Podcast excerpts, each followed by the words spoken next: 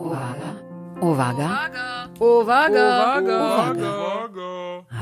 Uwaga. Uwaga. Uwaga. Uwaga. Uwaga. Oto w tym odcinku pojawi się sztuka, pojawi się projektantka, młoda, naprawdę fajna. Uwaga, uwaga. Która korzysta z poezji i która jest na takim etapie swoich działań. Uwierzyłam w to, że nie trzeba być z pojęcia artystą, żeby tą sztuką się fascynować, żeby tę sztukę tworzyć, bo artystą po prostu jest każdy z nas, a nie trzeba do tego e, górnolotnych określeń. Uwaga, uwaga. Noemi Rossa. Poznałyśmy się nad stołem z kartami. Także szapoba dla niej, bo to jest tym, czym tutaj się chwalić, bo jest piękne po prostu. E, Zostawiam Was. I szybciutko pobiegłyśmy pogadać o tych kartach, ale nie tylko. Jak to się stało, że postanowiłaś się zająć się wzornictwem? Skąd się w ludziach bierze taka potrzeba, żeby organizować rzeczywistość? To jest super pytanie, ponieważ moja historia w ogóle ze sztuką jest dosyć przewrotna, ponieważ fascynowałam się zawsze sztuką, ale z pojęcia uważałam, że to nie jest dobry pomysł w ogóle pracować ze sztuką, ponieważ ja się do tego nie nadaję, ponieważ ja nie jestem, tutaj w cudzysłowie oczywiście, nie jestem artystą. Artystą trzeba być. I tak się trochę kulałam po jednych, po drugich studiach. Jedne ukończyłam, drugich nie ukończyłam. Działałam troszeczkę z muzyką, więc też już coś twórczego, ale jednak bałam zawsze zahaczyć się o to wzornictwo, o to projektowanie, o tą żywą sztukę, która powstaje po prostu rzemiosło, które powstaje spod ręki. I tak e, pewnego dnia pomyślałam sobie, jejku, chciałabym wreszcie podszkolić się w rysunku, podszkolić się w malarstwie po prostu. A widziałam, jakie studia w Bydgoszczy są.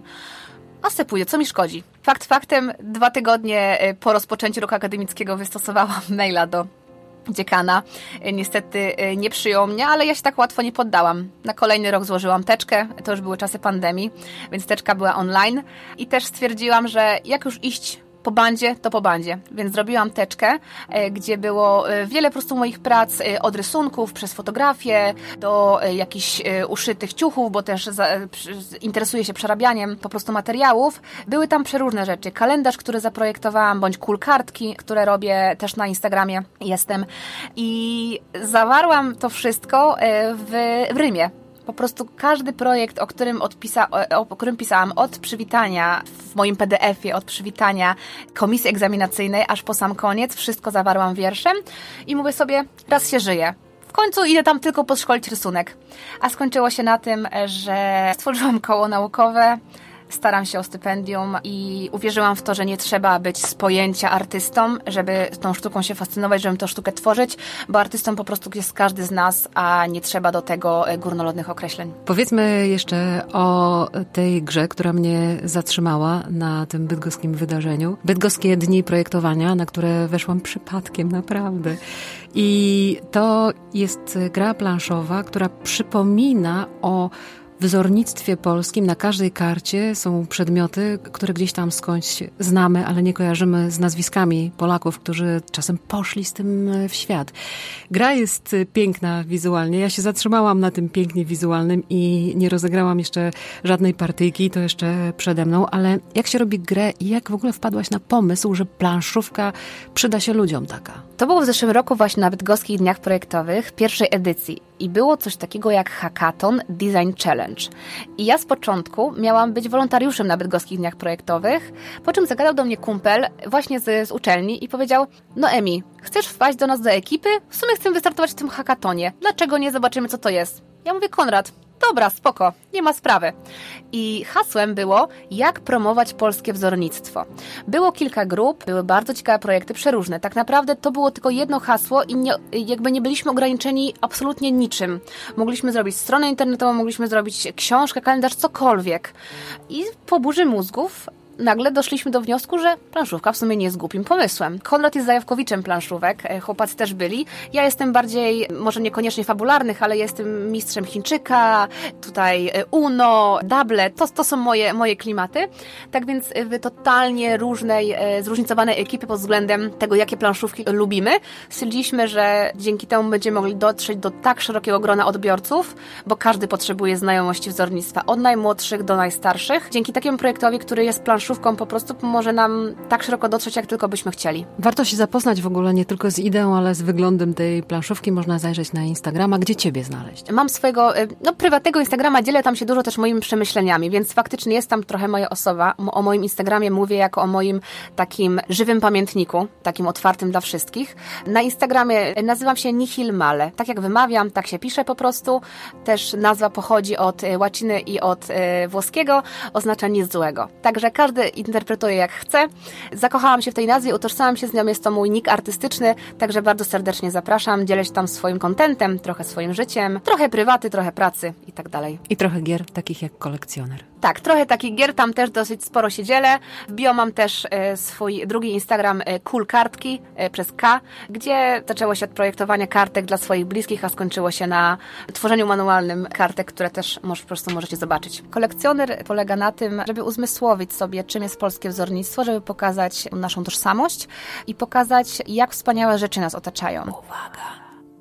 Gra jest planszówką, więc rozkładamy plansze, natomiast te rzeczy, które zdobywamy, te przedmioty są na kartach i tych kart z naszym wzornictwem, z przedmiotami, które są niezwykle wartościowe, a zostały zaprojektowane przez y, Polaków, jest bardzo dużo i to jest cała historia. Tak, są też tryby gry, gdzie nie mamy tylko y, ujętych czy y, wazonów, czy można nam się kojarzy z wzornictwem fotel. Jest kilka trybów, które po prostu pokazują przeróżne łamy projektowania, od przez e, mechanikę do też e, mebli. Są tam przeróżne elementy, e, które pokazują, jak szerokie jest polskie wzornictwo. Który najbardziej lubisz osobiście? Który przedmiot? Teraz jest trudne pytanie.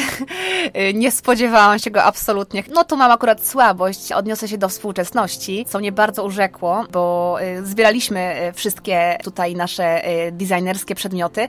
Jednym z przedmiotów są kolczyki Anny Orskiej, której jestem prywatnie wielką fanką projektantka biżuterii. Jest to projekt współczesny z już po 2010 roku. To e, jest to mój ulubiony przedmiot, bo jestem też z nim związana po prostu emocjonalnie. To jest cała taka historia, która przypomina o tym, że każdy z nas może być twórcą, a w każdym razie jesteśmy twórcą swojego życia. I dobrze jest, tak jak mówiłaś, pójść po bandzie. Uwaga! Uwaga! No tak, Uwaga. iść po bandzie w kreowaniu czegokolwiek to nie stawanie na krawędzi i rzucanie się główką w dół, to totalne, ekstremalne bycie w zgodzie z sobą, nawet jeżeli się to światu nie podoba. Bycie w zgodzie z tymi tematami, które są dla nas przyjemne, ważne, dobrze nam brzmią i z ludźmi, i z miejscami, no ze wszystkim po prostu. Wzornictwo ma niesamowitą moc i dotknęłyśmy zaledwie na skórka tego soczystego, designerskiego owocu z drzewa samego dobrego. I jeszcze na koniec spotkania z tą siłą polskiego wzornictwa i wzornictwa w ogóle przywołam postać Rycha Froma, wybitnego filozofa, psychologa i psychoterapeuty, który zdefiniował biophilic design bardzo szeroko i uważał, że to jest po prostu pełne pasji, umiłowanie życia i wszystkiego, co żywe.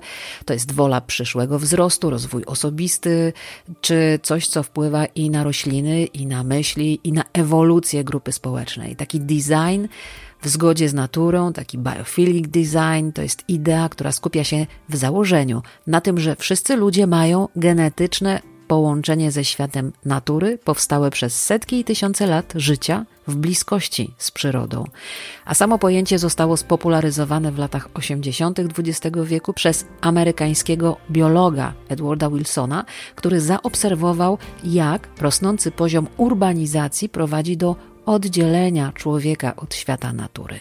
Biophilic design czyli wzornictwo zgodne z naturą, stosuje takie idee jako nadrzędne do stworzenia naukowego i metodycznego ujęcia, w którego centralnym punkcie jest człowiek. W tym rozumieniu celem naszych działań i wysiłków właściwie powinno być stałe poprawianie przestrzeni, w których mieszkamy, pracujemy, no i żyjemy, a wszystko tak, żeby przynosić korzyści dla zdrowia oraz najzwyczajniej w świecie.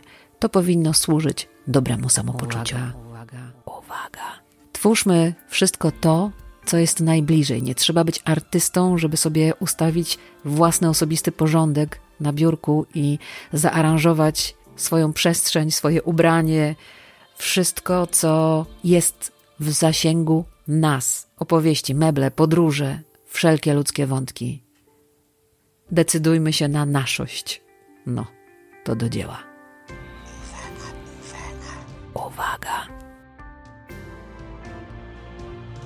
To był odcinek podcastu Dziennik Zmian i pewnie już nagrywam kolejny.